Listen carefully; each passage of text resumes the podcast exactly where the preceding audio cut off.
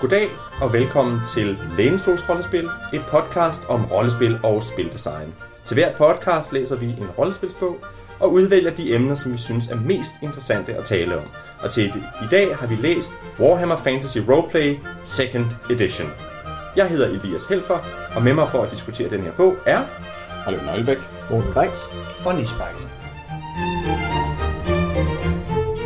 Og øh, Morten, Ja, vil du ikke lige starte med at fortælle os lidt om Warhammer Fantasy Roleplay? Hvor, hvor kom det egentlig fra? det kommer fra en virksomhed, der hedder Games Workshop. Så vi er tilbage i de glade, lykkelige, øh, eller flippede 70'ere, hvor der opstår den her lille spilvirksomhed, som står igennem med først nogle krigsspil, men så begynder de at importere Dungeons and Dragons til England, fordi det her det er et engelsk spilfirma. Og det er det, de som, så at sige opnår deres første indledende succes på. Så i starten af 80'erne begynder de besluttes for, at vi skal lave vores eget krigsspil.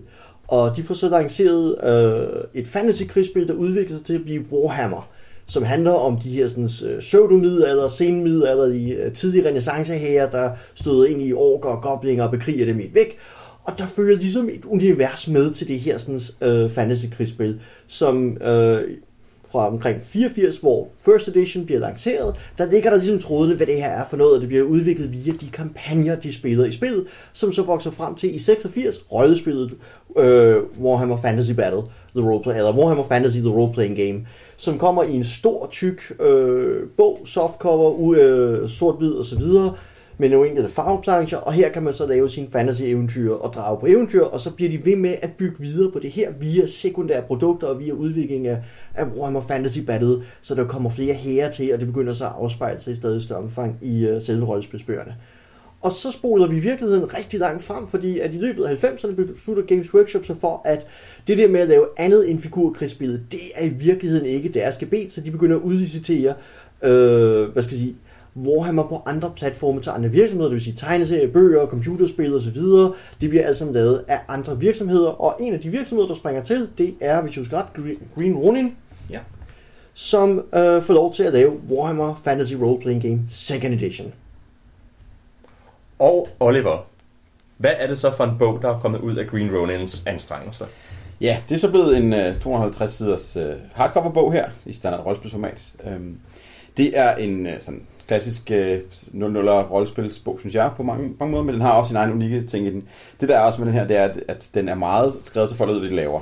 Den, øh, den, den går hårdt og lige på med, øh, med at fortælle om, hvordan man bygger sin karakter, og består i stor del af den af de her lister med, med careers, som næste kommer til at snakke om lidt senere. Øh, I det hele taget er der rigtig meget lister med ting, som kan inspirere spillere og spilledere. Øh, den bliver meget som opslagsværk, man bruger i løbet af spillet, øh, og ret handy til det i virkeligheden, fordi den består af mange fint opdelte kapitler med mange forskellige spændende uh, elementer i, som alle sammen er lavet til at inspirere spillederen og spillerne med, med stemningen i verden og idéer til, hvad man kan tilføje i spillet.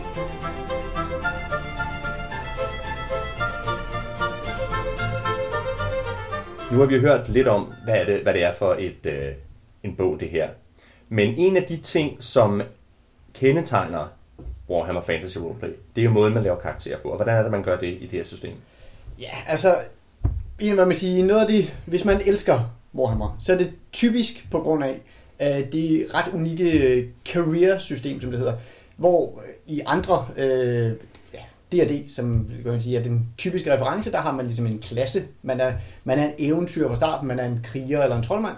Så i, uh, i Warhammer Fantasy, der bliver du udstyret med en, uh, en karriere i det her uh, fantasy-univers, øh, som for det første øh, er sådan genereret tilfældigt, Øh, man, øh, man får ikke ligesom lov til at vælge, hvor man startede, øh, startede sit liv henne i det her univers, fordi det er hårdt og uretfærdigt. Og derudover så i stedet for at den indeholder sådan nogle gloværdige ting som kriger og paladiner, så indeholder den sådan nogle mindre imponerende titler som Rottefinger eller øh, agita- øh, politisk agitator. Um, og ens mål er heller ikke, det er heller ikke sådan, at man er færdig med det. er ikke sådan, at Nå, okay, det var godt nok trist at være, være Rottefinger, nu drager jeg ud på eventyr og, og finder lykken det er der noget af. Altså, det er ikke sådan, at man er, det, man er en usling. Man har nogle fate points og sådan nogle ting, der gør, at man ikke bare er en af de uh, uvaskede masser. Uh, man, er, man er en af de, de uvaskede specielle uh, mennesker, i stedet for for uvasket er man helt sikkert. um, men, um, men så, de her karrierer har også ligesom det, der hedder career exits, som fortæller om, hvad man kan blive. Så hvis man nu for eksempel er en, er en bonde, så er det ikke sådan, at man bare lige, jamen, så bliver man ikke lige troldmand men det kan være, at man, hvis man nu tjener til dagen af vejen osv., så kan det være, at man kan blive krofatter på et tidspunkt. Altså vel at mærke, hvis man tager sig sammen og rent faktisk finder alle pengene og finder et sted, finder en kro og, og, og gør noget der, men så kan man gå over i den karriere, der hedder krofatter. Um, og det, altså, det, der er fedt ved det system, um, det er, at det ligesom, det bringer den her, hvad hedder det, det bringer den meget detaljerede fantasy-verden, som de har fået lavet i, i, i Warhammer, den, den, den er sådan ligesom hele tiden præsent i dit spil. Um, og at i stedet for, at man sidder med sådan nogle meta-målsætninger om, om jeg, vil, jeg vil være level 20, og så kan jeg kaste nogle fede spells, så sidder man med nogle sådan in-world ambitioner om, at det ville godt nok være fedt at kunne få fat i en hest, sådan så jeg kunne blive øh, rytter eller ridder eller et eller andet andet, fordi så har jeg ligesom noget status i verden. Det ville være ret fedt. Um, og, og det er sådan hele tiden, det informerer hele tiden ens øh, fortælling. Derudover er, er det sådan, der er det et rimelig sådan standard task resolution system og så videre, men, men den der karriere ting, den gør altså noget magisk for de historier, som man, man fortæller. Eller måske gør det mere noget ordinært for de historier, man fortæller. Um, Det er i hvert fald helt sikkert, at der er rigtig meget fortælling i det. Og jeg synes også noget af det, jeg synes, der er rigtig fedt, det er også det der med, at du slår op på siden, og så er der et lille billede af, hvem du er. Og de der billeder, de, de er seje, men de understreger også, at du er snusket og uvasket og sådan en lille smule, lille smule lurvet. Ikke? De fleste af de der billeder, de viser nogen, der er sådan lidt, øh, lidt ja. luret. Ikke? Ja. Jo. Selv Advanced Careers har altid en eller anden lille øh, særhed eller, eller andet. Det kan jeg godt lide ved, ved Warhammer, det er, at selv når man kommer op i, øh, og bliver lidt sej, og måske er i nærheden af noget, der minder om professionel øh, øh, kriger, så er du stadigvæk et eller andet sært ved dig, eller underligt, eller sådan skævheder. Jo, eller så har du fået slået nogle tænder ud, Ja, fordi præcis. det får man som professionel kriger. Ikke? Altså også, og, og også fordi det jo, altså, der er mange andre måder, hvor det kommer til udtryk på, men man kan sige, ligesom hele den form for fantasy, som de gerne vil sælge dig, altså det, det er ikke fordi, det, det, det skorter på episke ting i Warhammer Fantasy. Det skal man ikke, øh, det skal man ikke tro. Altså det, det er ikke sådan, at det er rent kitchen sink fantasy. Um, for der er, også, der er også drager, og der er enorme kosmologiske konflikter med kaos, der kommer ind osv. Men man, tager det, men, men man er ligesom bare blevet slidt af den her, man, man er ligesom blevet mærket af den her verden, øhm, når man er i den. Øh, og det kommer meget til udtryk i øh, systemet. Det kommer også meget til udtryk, hvis altså i sådan noget som deres magisystem, som, øh, hvor, øh, og det, det er så noget af det, der de blandt andet fik gjort meget ved i second edition, øh, hvor, hvad kan man sige, det magisystem, de har i first edition, det er sådan relativt ordinært, du kaster nogle spells og så videre. De, de har ligesom ikke fået inkorporeret de ting, men via udviklingen i deres øh, fantasy battle system, så fik de ligesom mere og mere pejlet sig ind på, hvad det er for en er noget magi og noget kaos. Øh, fordi kaos er det evigt præsente element i Warhammer-verdenen, og det kommer ind gennem magien. Der er ikke noget, man kan... Man bliver forvansket af det og så videre. Og det gør også, at hver eneste gang, man skal slå... Øh, man skal lave et rul for sin magi, så har man ligesom man har sådan en magic score, øh, hvor man ruller et antal detier, hvor man må rulle op til ens magic score. Og man skal så, øh, man, for at kaste en spil, så skal man slå, så skal den samlede sum være over et eller andet. Men omvendt, jo flere terninger du slår, jo større risiko er du for, at du slår dobler, tripler eller, eller firedobbelt ens. Og hvis du gør det, så kommer kaos efter dig. Um, så man sidder sådan med det der gamle med, selv når man er den store troldmand, så, har man altså ikke, så tænder man ikke lige sådan lys, sådan der, bare, for, bare fordi, så er det sådan lidt, altså lidt federe faktisk bare at have en fakkel. Fordi så er der ikke nogen, der æder en sjæl, hvis man tænder den. Og den skal man måske bruge senere.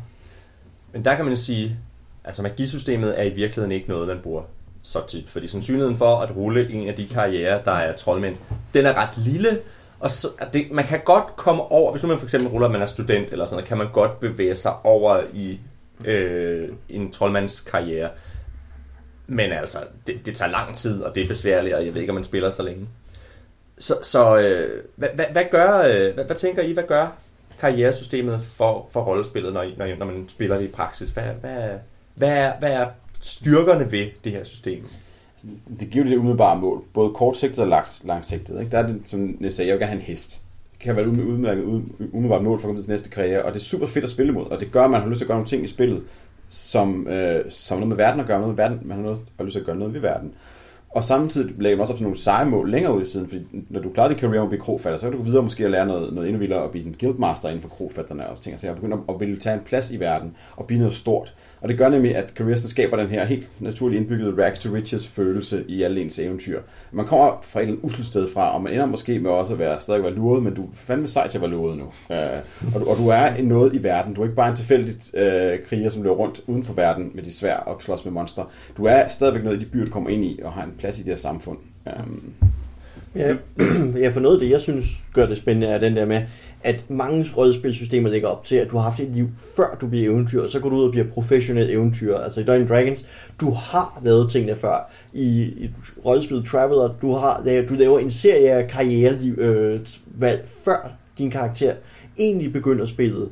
Øh, og hvor du så i Warhammer i stedet for flytter det frem og siger, at vi spiller faktisk dit første karriere, og de næste så videre. Så i stedet for at starte et, et, øh, et tredje liv, så at sige, eller en, øh, som professionel eventyr efter at leve et langt liv som noget andet, i, som man gør i Dark Dragons eller Traveler, jamen så, så flytter vi rundt på det, og faktisk tager alle karrieretræner og ligger foran karakteren. Så der er ikke en lang forhistorie, den kommer nu. Og det synes jeg er en ret sjov størrelse, at, det, at en stor del af karakterens historie ikke ligger bag ham i spillerens noter, men faktisk først kommer nu.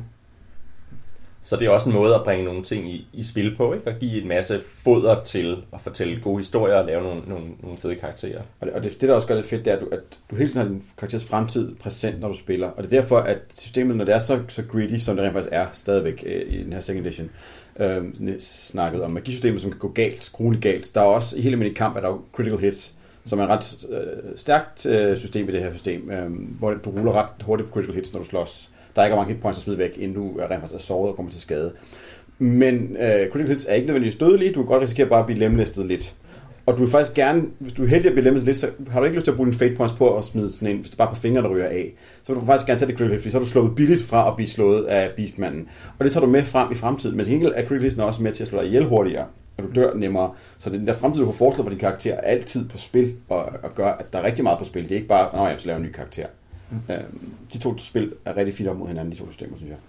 Ja, også fordi det, altså det giver også sådan, den der fremtid gør også, at man har også sådan en, ja netop, man, den er præsent for en, så man har også en idé om, at man vil jo gerne nå pensionsalderen. Ikke? Altså man vil gerne rent faktisk trække sig tilbage som den der krofatter. Ikke? Altså, øhm, eller i hvert fald sådan lige tage sig en breather på et eller andet tidspunkt. Øhm, og man er sådan, når ting pludselig, altså jeg kan huske en af mine yndlingskarakterer, nu bliver det meget anekdotisk, men det var, det var sådan en halving, jeg havde, som netop troede, han skulle være krofatter, og så blev han pludselig draftet til at være skatteopkræver. Og så var han jo pludselig inde på skatteopkræver-tracket. Og så måtte man jo ligesom finde ud af, hvad man kunne bruge det til, eller hvordan man kunne komme ud derfra igen og sådan nogle ting. Altså, men, men altså det der med, at, altså, at hele resten af verden hiver også en rundt i det der system og sådan noget. Det er ikke bare sådan en, altså man har ikke bare ligesom sat sig ned med studievejlederen, da man startede, og så havde man ligesom en plan. Men øh, man bliver også slået rundt i det der og sådan noget. Og det, Ja, fordi en af, en af de ting, der også står der, dels, det ved jeg ikke, det tror jeg ikke, vi fik sagt, men, men der er jo nogle trappings, der er nogle ting, man skal have som den her karakter.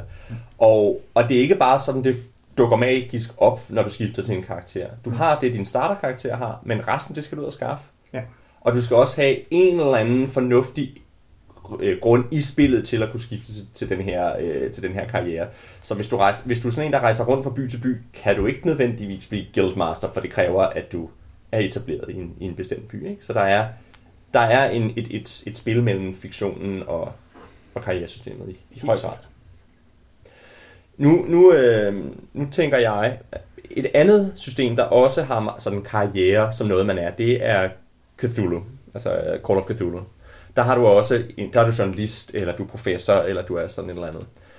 Og der spekulerer jeg på, om en del af grunden til, at lige de her to rollespil har den, den form for struktur. Det er fordi, det er sådan nogle horror-rollespil, hvor det er godt, at man har en, en forbindelse til hverdagen, fordi forbindelsen til hverdagen gør det, det unormale mere præsent. Er det, øh, tror I, det er et element i det, eller er det... Øh, det er en interessant idé, men jeg tror ikke, jeg er enig med dig. Jeg kan godt se øh, dit udgangspunkt for det, men Call of Cthulhu tager jo sit øh, udgangspunkt i sit litterære oplæg, som jo netop har de her sådan, hverdaglige personer, og hvad skal jeg sige, synes jeg ligger endnu tættere på jo, så at sige, vores hverdag, trods alt, det udspiller sig under ideelle forhold jo i ens egen samtid, øh, eller en, en, en umiddelbar samtid, der ligger nogle få årtier bag os, eller et århundrede bag os. Så det vil sige, at i min optik, så er det ikke det, der får hvad skal jeg sige, Warhammer og Call of Cthulhu til at vælge det, men mere, at de, de har nogle forskellige baggrunde, hvor at, øh, Call of Cthulhu tager en umiddelbar hverdag. Det er også derfor, der ikke er lagt op til nogen egentlig karriereskift. Du kan forbedre dine færdigheder gennem spillet, men der er egentlig ikke lagt op til nogen karriereskift. Det her, det er folk, der har et liv og en hverdag, som bliver afbrudt af et, et øh, Call of Cthulhu-eventyr, som måske bliver en længere serie-eventyr, men det ene eller sted, så er det også meningen et eller andet sted, at når det eventyr er slut, så bliver de teknisk set aldrig udsat for mere. Og det har jo altid været det, der var Call of Cthulhu's egentlige problem var, hvordan berettede man overhovedet, at de her karakterer kom ud på eventyr nummer 2 og nummer 3 og nummer 4, hvis de lever i så lang tid. Uh, fordi den har Call of Cthulhu jo altid kæmpet med at finde ud af, hvorfor er det her, de her folk en gruppe, der hænger sammen, og hvorfor bliver de ved med at støde ind i ting. Uh, hvor jeg tror, hvor man Fantasy i stedet for jo, hvis man kigger på den verden, der ligger bag, har jo ligesom sagt, vi tager europæisk middelalder, vi tager øh, tysk middelalder, og forskyder og forskubber det lige, øh, kigger på det gennem en forvrænget linse, og så tager vi udgangspunkt i, øh, hvad, hvad var folk dengang? Øh, prøver at lave en mere historisk baggrund, så at sige, for karaktererne, øh, energi for ikke en karriere som ranger, eller druid, eller cleric, Um, så i stedet for at gå ind og sige, hvad kan vi give med historiske oplæg? Så jeg tror mere, at det er det, der er udgangspunktet, end horror-tilgangen. Til gengæld fungerer horror-tilgangen godt, fordi vi er så meget mere jordnære i vores karakterer, end, end øh, karaktererne. En, en Paladin ligger ikke særlig godt op til horror-rollespil, blandt andet fordi Paladins, særligt tidlige versioner af D&D, var immun over for frygteffekter, for eksempel. og så er det svært at spille horror, når man siger, jeg kan ikke blive bange. Men der tror jeg så, altså selv hvis du så havde lavet et klassesystem til Warhammer-verdenen, så ville, altså, så ville det jo være en ridder, som, som ikke nødvendigvis havde nogen magiske evner. Så, så der kunne man måske godt have lavet et klassesystem til Warhammer, der ville gøre lidt mere af det der. Men, øh, men øh, ja. Altså, ja, jeg, jeg, jeg, jeg er nok i hvert fald, jeg, jeg er med Morten så langt, at jeg tror ikke nødvendigvis, man sådan bevidst har tænkt, okay, du skal kunne, altså, fordi man kan sige, det at jeg er en rottefinger, er stadigvæk rimelig langt fra min hverdag, så det er ikke fordi, det hjælper mig til sådan at få den der øh, horror, som det gør, at min, min, jeg pludselig, at, at hverdagen bliver afbrudt af noget, øh, af noget redselsvækkende, eller hvad man skal sige. Så jeg tror mere, det er et spørgsmål om, at man gerne har ville have det lurvede. Ikke? Man, man har gerne vil have det, øh, det ikke episke, og man har gerne vil have, altså, det er sådan en af mine pet-teorier, øh, det her med, at altså jeg ser sådan ligesom sådan en, at der er også lidt en kontrast mellem amerikansk og europæisk fantasy, sådan noget, hvor man sådan i, i, i europæisk og, og britisk fantasy der i 80'erne, man må nok gerne vil være lidt mere punket. Ikke? Altså, man, man har gerne vil være lidt mere... Altså, der, der er også en grund til, at de her øh, at de fedeste krigere, de render rundt med mohawks. Ikke? Altså, øhm, trolde med, med store øh, punkede frisyrer, fordi det er... Ja, Dwarf Slayers. Dwarf, ikke mere. Ja, ja, ja, ja, ja Troll Slayers og Dwarf, øh, ja. Um, og, og, og, jeg tror, altså jeg tror lige så meget, det har været den, at man har gerne ligesom ville være manden på gaden og manden i mudderet, og så ligesom give fingeren til hele systemet, eller hvad man skal sige, øh, fra det udgangspunkt. Men at det så virker godt til at fortælle horror, det, det tror jeg, at det er ikke nødvendigvis tilfældigt, og det er bestemt heller ikke tilfældigt, at de har valgt at putte horror ind i det, tror, jeg, tror jeg heller ikke. Men, øh, men jeg tror mere, det ligesom har været en, en sådan to, øh, to-strenget indgang til at lave noget, der ligesom var mere gritty og mere mudret end øh, det fantasy, man måske ellers havde set. Jeg tror, det handler om, hvad, hvad det er, sådan fjendebilledet er i, øh, i Warhammer. Um, at det er det, det, det dekadente magthaver, som er kopieret af kaos indefra. Det læner så godt op på horror. Det er svært at gøre det på andre måder, hvis du gerne vil, vil vise, hvor, hvor onde kapitalisterne er i virkeligheden, hvis du skal være punker, ikke? Så giver det jo fin mening at lave sådan en horror-vinkel øh, på det hele. Øh, hvor måde, jeg tror, Lovecraft kommer fra en anden grund til at lave sin eksistentielle øh, verdensundergravende øh, ja. kræfter, ikke? Så er forskellen på klassesystemet og karrieresystemet i virkeligheden, at det her er sådan lidt øh, venstreorienteret socialistisk klassekritik, og øh, hvor, hvor Dungeons and Dragons er mere sådan amerikansk heltefantasi, hvor vi skal ud og øh, kolonisere øh, hele verden. Jeg tror ikke, det er helt forkert. Det her det er skrevet i Thatcher-perioden i England. ja.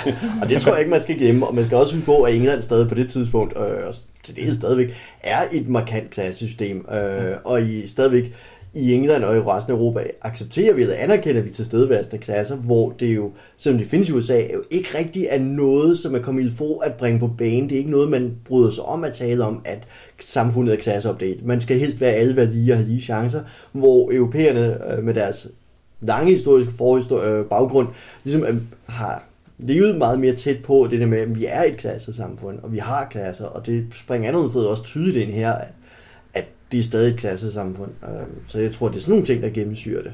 Ja, der er jo, altså en ting, som de jo skriver meget tydeligt, det er det der med, at at hvordan du er født betyder meget for, hvor du kan ende op. Ikke? Og det er derfor, at du ruller din klasse. Hvor i Dungeons and Dragons, jamen, hvis bare du kæmper længe nok, så skal du nok blive level 20, mm. eller tjene en milliard, eller hvad det nu er, du gerne vil. Ikke? Og det er vel egentlig også den kontrast, du virkede en snublede over, da vi øh, havde vores indledende snak om bogen her, før vi begyndte optagelsen, hvor du bemærker i startteksten, at forfatteren til Second Edition netop skriver, jamen I er eventyr, I drager ud på eventyr, men regelsystemet siger noget helt, helt andet, fordi, man, fordi at den, der skrev uh, Second Edition-bogen er amerikaner, der skriver sig ind i en, i en moderne amerikansk fantasy-tradition, lagt ovenpå et britisk fantasy-rollespil, der har lagt det her karrieresystem. Så lige pludselig rummer Second Edition sådan nogle in, interne konflikter mellem den amerikanske forfatter og det britiske produkt, han sidder og arbejder med. Sådan at han jo skriver sig ind i den stereotyp om, I eventyr, I har lagt jeres liv bag jer, mens regelsystemet siger, nu begynder din første karriere. Ikke? Nu, øh, nu kan man sige, at jeg tror, vi er alle sammen ret vilde med det her karrieresystem. Og så øh, tænker jeg sådan lidt falbulerende. Kunne man forestille sig et andet rollespil, der brugte det samme system? Vil det kunne virke, eller er det noget, der kun kan virke i Warhammer? Hvad, hvad tænker I? Altså, jeg kunne sådan set, nu øh, fik Morten kort nævnt Traveler, øh, hvor, hvor man meget går, gennemgår en karriere, som man har lagt bag sig.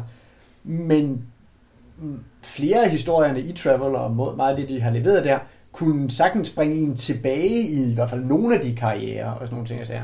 Og, og ideen om, at man, øh, altså, man, man ville skulle sådan fingrere lidt med det og sådan noget, men, men det er en verden, hvor man godt kunne få, få lov til med nogle af historierne at komme tilbage egentlig og sige, nå okay, nu er jeg så, at det var via det her eventyr, jeg så fik adgang til at komme ind i flåden, eller, eller sådan nogle ting. Altså, ja. um, der tror jeg godt, man kunne, øh, man kunne gøre det. Jeg tror også godt, øh, øh, altså jeg kunne også finde, tænke mig nogle, altså moderne ting er måske sværere at sådan lige Jeg- forestille sig, fordi jeg ved ikke, vi skifter karriere på en anden måde.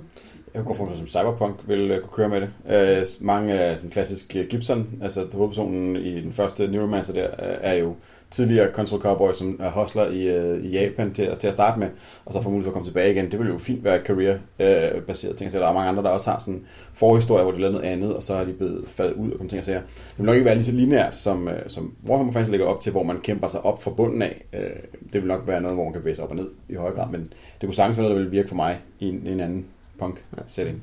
Det sjove er jo, at det får mig til at tænke på en helt anden litterær karakter, nemlig Conan. Fordi Conan-historierne er jo skrevet uden for kronologisk orden. Øh, og alt efter, hvor historierne så at sige ligger i, i en tænkt kronologisk orden, så har vi Conan Barbaren, Conan Tyven, Conan Lejesoldaten, Herføreren, Piraten. Han har faktisk en Og serie... kongen, ikke? Og kongen til sidst, ja. Han har nemlig en serie karriereskift øh, ja. undervejs, øh, alt efter, hvor historien er tænkt at ligge henne. Så, så man kan virkelig godt afspejlet den der form for karriereskift i forskellige systemer. Men jeg tror netop, at vores egen reference nu, eller erfaring med, med umiddelbar nutid, gør, at det er svært at se det læst ind direkte i vores egen samtid. Jeg tror også, det handler om øh, sådan rent, øh, hvor meget energi man lægger i, i at lave spillene her, fordi det tager ret lang tid at bygge sådan en liste på de her, der er 70 sider med careers øh, i, i, i, den her bog.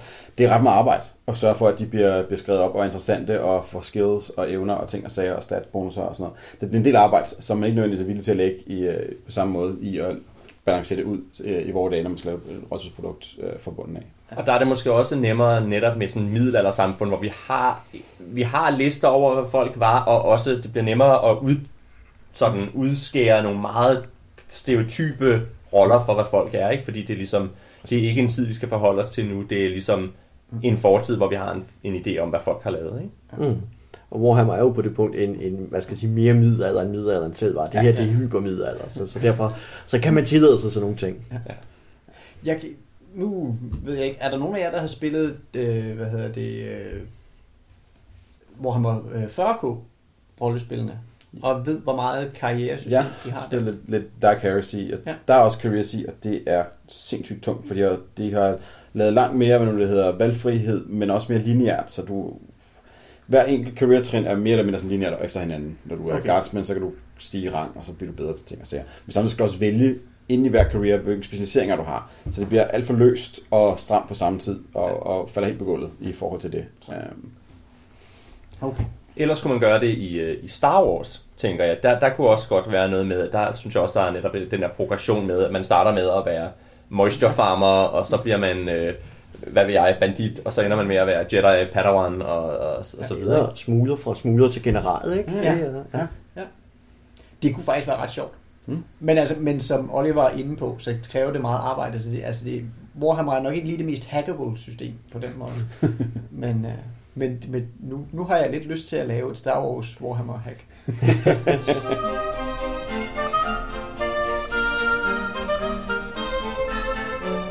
Nu øh, skal vi videre til at snakke om noget, som vi har allerede har nævnt lidt, fordi det her det er jo fantasy.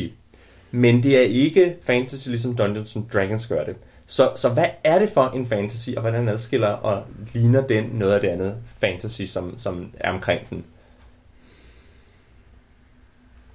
Ja, jamen altså, jeg 20 startede jo lidt på det emne tidligere, ved at sige, at det netop var, at, at den her mere sådan punktede fantasy, og mere, mere gritty, øhm, og så en ting, vi trods alt ikke har været så meget, vi har lige nævnt det, men den store centrale konflikt er jo kaos, øhm, at, øh, at den her verden er ligesom gennemsyret af, at at den korrumperende kraft fra kaos, den sådan siver ind, og det gør den både sådan, øh, den, den kommer et sted gennem nogle portaler og langt op i det iskolde nord og sådan noget, der vælter det ind over grænserne, og det muterer folk til, gør folk til forfærdelige beastmen, eller giver dem mærkelige tentakler og øh, øh, øjne på stilke og sådan nogle ting og sager. Og de, det giver kaoshorder, som vælter ind over og giver anledning til, hvad kan man sige, meget af konflikten i krigsspillet, øh, i Warhammer krigsspillet. Um, men så er det jo også den langt mere sådan, hvad kan man sige, øh, nedrige, øh, eller sådan kraft, der sådan, hvad kan man sige, øh, frister folk øh, til at, at gå over. Det, der, er jo, der er jo de her sådan, øh, fire kaosguder, er det blevet, øh, er det blevet til, med, hvor vi har, øh, vi har Nørkel, pestilensens gud, og vi har øh, øh, Slanesh, som er sådan de øh, hedonismen og de løslukkende ting, og Korn, som er blodet og, øh, og dødens øh, ting, og så endelig Thinch, som er mysterier og forandringer og sådan nogle ting. Så alle de her, de ligesom frister folk. Altså selv sygdommens mester, han er jo sådan lidt, alle er jo bange for døden, og han har magt over døden. Øhm, så, så når man nu ved, at man bliver øh, at man bliver syg og dårlig, så kan man jo lige så godt øh, få ham, der kan gøre det til en velsignelse, sådan være tro mod ham, der kan gøre det til en velsignelse og sådan nogle ting. Og de her er jo, øh, er jo netop, hvad kan man sige, de frister endnu mere netop dem, der har noget magt i forvejen, og desperat på at holde fast i den, og så det giver også anledning til det, som Oliver var inde på tidligere med, at man som de her eventyr finder ud af, altså når man begynder at gå på eventyr, så finder man også pludselig ud af, hvor, hvor korrupt, ikke? altså ja, først så tæver man nogle beastmen, og man håbede, det bare var noget ude i skoven, men så vender man tilbage, og så finder man ud af, at borgmesteren var ham, der ligesom, han var en del af den samme kult, øh, og sådan nogle ting at sige. Altså, hvor står man nu henne? For det er også ham, der skulle belønne en. Og, øh, så på den måde er det sådan meget mere, hvad kan man sige, gritty øh, og korrupt fantasy, end det er de umiddelbart ikke op til. Det er også det, at det, man foretager sig i spillet oftest er rigtig meget investigation og socialt spil, og man prøver at undgå at slås, fordi slåskampe er ikke heroiske i det her spil. Det er øh, desperate kamp for ikke at blive øh, slået ihjel øh, eller lemlæstet. Så, så, så man prøver generelt at, at klare sig på andre måder, og hvad end der skal til for, at man klarer sig på de andre måder, og, øh, så prøver man det i stedet for. Og det synes jeg også giver sådan en helt anden følelse, fordi i det og det er det altid nemmere bare at slukke ting. øh, altså, og, og i mange andre fantasy-spil er det også bare altså, ligesom en, en ramme for at gå ud og have nogle vilde kampe med nogle monster. Ikke? Ja, og det der, øh, i Warhammer er det næsten ikke, det er rigtig svært at blive sej til at slås. Du skal virkelig lægge dig i selen for at ende med at, at have en følelse af, at du ikke er ved at dø eneste gang, du slås. I hvert fald i, i second edition. First edition havde lidt nogle nøgne dværge, der nogle gange var rigtig hardcore. Altså noget af det, jeg synes er sjovt, det er at kigge på det fra en lidt større kosmologisk skala, fordi noget af det, jeg synes, der er sjovt ved Warhammer setting, og det, det er jo så lidt tricky at sige nu her, fordi det ændrer sig lidt fra første til anden udgave, det ændrer sig lidt afhængig af, hvilken version af Fantasy Battle vi er med at gøre, første, anden, tredje, fjerde, femte, sjette, syvende, Øh, men ideen er et eller andet sted, at øh, hvis vi sammenligner med historiske mytologier, så, så er det ikke usædvanligt, at hvad skal jeg sige, vi begynder med kaos. Ikke med Warhammer-universets, hvad skal man sige, ondskesfulde øh, kaos, men med en naturens uorden, som der bliver skabt en orden i. Af, altså der opstår nogle guder nogle gange lidt spontant, øh, i nordisk mytologi for eksempel, øh, opstår guderne mere eller mindre spontant og begynder at skabe en orden, men den orden er altid midlertidig. Det er kun så længe de opretholder den. Og inde i den orden, der skaber de så den verden, som menneskene lever i, og de skaber mennesker osv. Det finder vi flere variationer af i forskellige mytologier, og det gør vi et eller andet sted også her, fordi at den orden, der er, er i virkeligheden, hvad skal jeg sige, skabt midlertidigt af det her sådan, slan, øh, og det sidder jo klart nogle gange, de her slan skifter lidt rolle, men de er sådan nogle perioder af de Great Old Ones, der har et øh, interstellart netværk, hvor de jo så blandt andet når til den her pseudo-jord eller paralleljord, som de jo så begynder at civilisere og opløfter de forskellige primitive humanoide raser til det, de er. Men det er en stakket frist. Det her er en, en midlertidig ting, fordi den her verden vil kollapse igen. Øh, så, så på den måde, så er det, synes jeg, det er sjovt et sted, at Warhammer-universet er i sådan en mytologisk størrelse. Det findes i en tidsmæssigt afgrænset ramme, som vil kollapse igen. Ja, øh, men, men der synes jeg så, der er noget, noget andet der, nu siger du kosmologisk, som, jeg, som er en interessant pangdang eller et krydderi til det. Fordi i den gamle, i first edition, der er der jo nogle kæreskuder, der er tre, hvoraf to af dem, den ene det er Nurgle og Korn, og så er der en, der hedder Malal, som de er copyright over, så jeg ikke kunne få lov til at bibeholde, som var en kaosgud, der kæmpede mod kaos. Men så er der også law-guder. Altså der er ligesom en kamp imod imellem kaos og law. Så du har et alignment-system, ligesom i Dungeons and Dragons, der hedder law, good, neutral, evil, chaos. Men hvor finten er, at mennesker og harflings, de i virkeligheden ligger på neutral. Altså, så, så, så man vil gerne være på neutral. Og det svarer til det, som, øh, som Michael Moorcock har i hans store kosmologi, hvor det er, at Elric blandt andet er, er champion for neutraliteten, som kæmper imod både lov og kaos. Ikke? Altså både orden og kaos. At det ligesom er det, der er den store øh, kamp, hvor de, de gode for så vidt er er i midten. Ikke? Men det, altså, det er skåret væk her. Ikke? Der er kun kaos tilbage, mm. og kaos som det store onde, og ikke lov som, det, som modpolen til. Men stadigvæk, hvis du går til også First Editions kosmologiske kapitler længere ind i bogen, så vil du se, at det stadig ender med og slutter med kaos. Altså det vil sige, at lovordenen er stadigvæk et sekundært produkt, der ligger inde i den her kosmologi. Altså det, så det kommer stadig til at starte med kaos og slutte med kaos. Og ordensguderne er lidt ligesom guderne Second Edition stadigvæk bare mindre guddommelige skabninger, eller hvad skal jeg sige, eller, de, de stadig subkreationer af det større orden, der, eller det, det større midlertidige øh, ordenssystem, der er her, som før eller siden vil, vil forfalde fuldstændig. Mm. Øhm, så, så, det, så det, de er ikke balancerende på så, altså de er ikke en til en skala det her, de, de er stadigvæk underlagt, at alt vil forfalde med tiden, øh, øh, entropien vil overtage, og alt vil opsuges i kaos. Men med den ondskabsfulde twist stadigvæk, at det er ikke et positivt, altså det er ikke tilbage til en naturens uorden, det er, at, at en ondsindet form for kaos overtager, fordi det her, det er jo malformede kroppe øh, og sjæle, der pines, fordi at alt er stadig besjælet og kommer til at pines under det. Så det er meget sortsyn, der i virkeligheden ligger over det her. Og der, der kan man jo så undre sig lidt over, at kaosguderne overhovedet er interesseret i at, øh, at friste mennesker. Hvad, hvad skal de bruge os til, de får det hele på et tidspunkt alligevel? Ikke? Øh, at, at det, synes, det er jo sådan en af de her ting, der er sådan lidt, lidt spøjse, at kaosguderne gerne vil friste os. Men det giver til gengæld super god mening, fordi altså for de tre af dem, der er det, at de, altså Tsinch, det er magt, og det er viden, og Korn, det er vrede og hævn, og, og, og Slanesh, det er lyst og, og, og hvad hedder sådan noget, og fornøjelse og, og, og sådan på den der måde. Ikke? Så kan man sige, at Nurgle ligger lidt udenfor. Men, men, men det sjove ved det er, at selvom de er den, de her urkræfter, som alting vender tilbage til på et tidspunkt, så er de alle sammen defineret ud fra ting, som, som er sådan basale drifter i mennesker.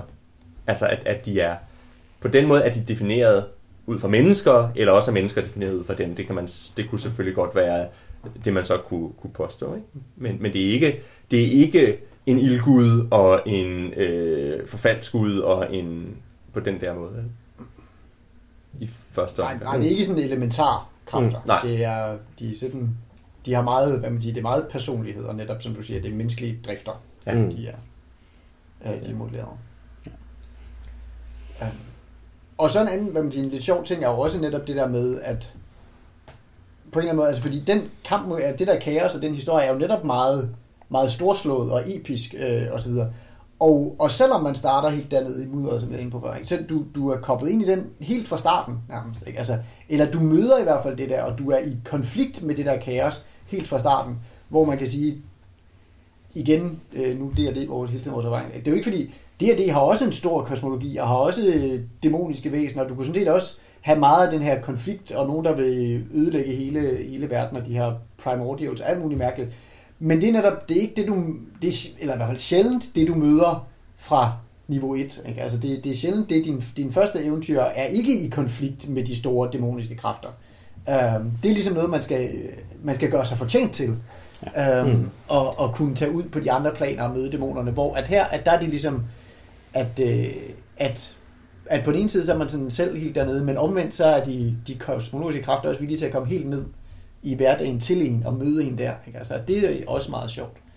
Ja, der er nemlig en god overgang der nævnt fra, at altså, vi har det her makrokosmisk skal tænke, som så spejles direkte ned i mikrokosmos. Ikke? Altså vi får oven for neden, så at sige, er afspejlet ret godt, fordi karakterernes eksistens er jo nærmest en midlertidig orden, som gradvist forfalder, og til sidst typisk faktisk forfalder i fuldstændig kaos i en eller anden forstand.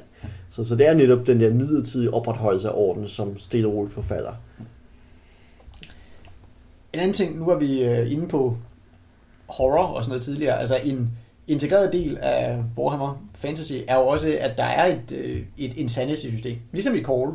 Ikke? Altså, øhm, og, og man kan sige endda til forskel fra, øh, fra Call, hvor man sådan skal opleve redselsvækkende, man skal møde nogle dæmoner eller sådan noget af den stil, for måske at begynde at blive øh, bims. Så øh, jamen, altså i Warhammer, der kommer der også bare af det der critical hit system. Hvis du tager et critical hit, hvis du har fået for mange slag, så får du altså posttraumatisk stress af den ene eller den anden slags, øh, og bliver lidt for glad for at lege med ild, eller bliver, øh, bliver bange for grønne mennesker, eller hvad man nu har mødt.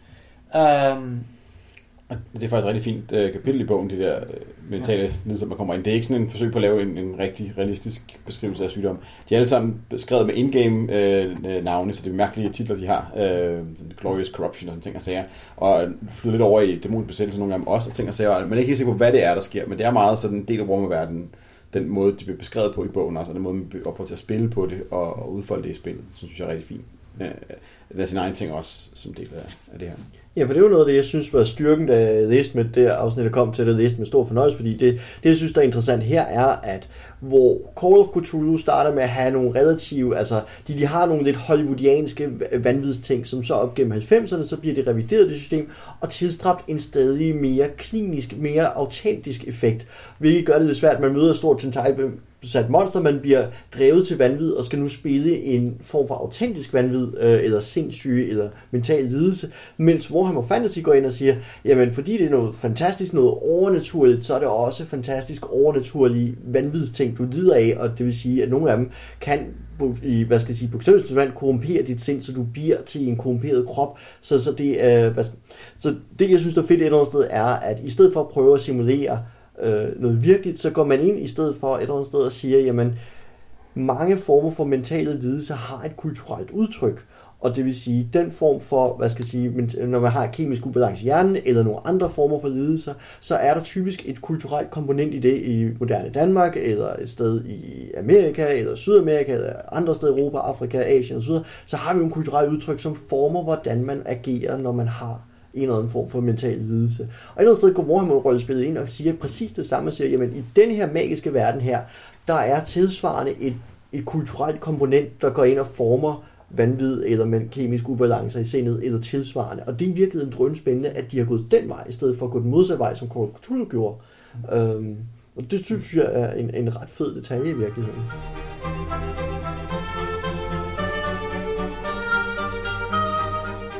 Og hele snakken om vanvid, det bringer os videre til det sidste emne, som vi øh, skulle snakke om i dag, som er, at det her jo ikke bare er et fantasy-rollespil, men det er også et horror-rollespil.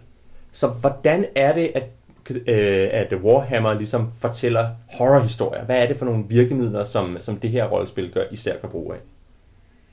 Øh, jamen, det der, det der men der, den har den der meget jordnære basis, som gør, at alting føles meget tættere på i mange andre rollespil. Det bliver lidt mere abstrakt, hvem du er i spillet man kan identificere sig ret nemt med spil med nogle af dem her, og man giver dem noget, at de, de kan miste deres fremtid og deres status i samfundet og ting og sager. Så der er en masse ting, som gør, at du hurtigt bliver ramt af horror i det her spil. Og så er, er alting øh, er en kilde til, til horror i den. Ikke? Altså, du kan se lemlæstet lige i, i gaderne og ting og sager, for det har været krig, eller du møder nogle ting, du ikke øh, regner med at se, og ting og sager. Selv små ting kan, kan, kan ryste dig. Og så bygger det langsomt op til det større, større, større, hvor at, sådan som Call i høj grad handler om, om det brætte brud med, med verden, så er, er Warhammer langsom opbygning af, af, af verden, som er forkert omkring dig, øh, som jeg synes er rigtig fint i, i den der horror øh, stemning. Jo, øh, dels det, og så synes jeg, en anden ting, som jeg også synes er sådan med til, til horroren i, øh, i Warhammer, eller, eller i hvert fald sådan det ubehagelige, øh, det er også det her med, at det, det er også en verden, der er forfærdelig glad for at svælge de her ting. Øh, fordi det er jo også, altså, Øhm, dels er der horror-elementet med nogle folk, der har ulækre tentakler og så videre, sådan nogle ting, men så er den jo også, altså, den er også glad for så netop dels at udsætte spillerne, øh, spillerkaraktererne, for de selv ligesom, åh oh, nej, er jeg ved at, øh, er jeg ved at blive muteret og så videre, men også bare sådan at være, og, og være sådan grim, sådan, så, så kommer man ind på et sanatorie og ser der, hvor, ser der, hvor det her forfærdelige hypermiddelalder samfund har spærret alle de her øh, stakler inde, ikke? Sådan, så vi også ligesom, vi, vi, vi skal ikke bare sådan gå og tænke på det som, som redsel og ude i, øh, ude på den anden side, men vi skal også ligesom se, hvor redselsfulde vi nu som, som samfund er over for de her ting, når vi prøver at brænde dem alle. Altså når, når inquisitoren kommer og, og prøver at brænde det hele ud af en landsby, hvor man bare tænker, jamen det var jo bare en stakkels gal mand. Altså, øh, at på den måde laver det også ligesom sådan noget ja, sociologisk horror ud af, at sådan, af, af at man, at, fordi man får også virkelig selv lov til at være forfærdelige mennesker en gang imellem. Og de her eventyr, hvor man i, hvor man i andre eventyr, igen netop med den professionelle eventyr, kan kan sådan få sådan et, nå okay, nu, nu slår vi ting ihjel, og man er lidt sådan nogle murder hobos og sådan nogle ting. Altså. Så i Warhammer, så på den ene side, så er man netop, man er forankret i verden, så man er ikke bare de her sådan øh, tilfældige omrejsende, der, der, der tager rundt. Men omvendt, så laver man netop de her sådan forfærdelige, altså hvor det kan godt være, at man så ikke slår folk ihjel, men, men man har stadigvæk sådan fået lemlæstet dem, eller også så får man dem spærret inde et eller andet sted, hvor man godt ved, at der ikke bliver gjort noget ved dem og sådan nogle ting. Altså, altså så, så man, man skal også ligesom selv se på, hvordan man går rundt og løser problemerne på en ikke særlig heldig måde. Øhm, og netop man arbejder for de her folk, men der viser sig at være korrupte, så må man sige, Nå, men ja, det, det, det er dem, der er arbejde for. Ikke? Altså, vi, vi kan ikke bare omstyre det på mesteren, så, så må vi jo blive pres på, selvom, øh, selvom det ser lidt skidt ud, at han går til de der kultmøder og sådan nogle ting. um, og, og det synes jeg også ligesom er en del af horror, hvor, hvor igen i, i Call, der kan man godt få lov til ligesom, okay, man overvandt kult, når man kan få lov til at lægge lidt fra sig, så på en eller anden måde er de, er de Warhammer Fantasy, i hvert fald sådan som jeg har oplevet det og spillet det, så bliver man ligesom, man bliver ved med at gå rundt i det her søle af horroren. altså, og det er ligesom også med til at, at informere det. Ja, jeg synes, jeg synes også, nu, nu snakkede vi om tidligere om monsterkapitlet, eller, eller bestiariet i, i det her. Og der er altså lidt en forskel til First Edition. First Edition ligner lidt sådan en, en kopi af en Dungeons Dragons bestiarium eller Monster Manual. Men i Second Edition, der er der nogle få sådan grønhuder og chaos mutanter osv., men ellers så er cirka halvdelen af taget af sådan almindelige mennesker. Og det understreger også, synes jeg, at, at det ikke er meningen, man skal ud og møde fantastiske ting. Du skal møde mennesker. Og det er menneskene, der er det er menneskene, der er farlige på en eller anden måde. Ikke? Altså, jo, jo, der kommer en dæmon en gang imellem, men den dæmon er påkaldt af et menneske. Øh, så, så i langt de fleste øh, Warhammer-spil, der vil menneskene være, være der, truslen i virkeligheden kommer fra. Og det betyder også, at du kan aldrig vide dig sikker. Alle kan være kaos.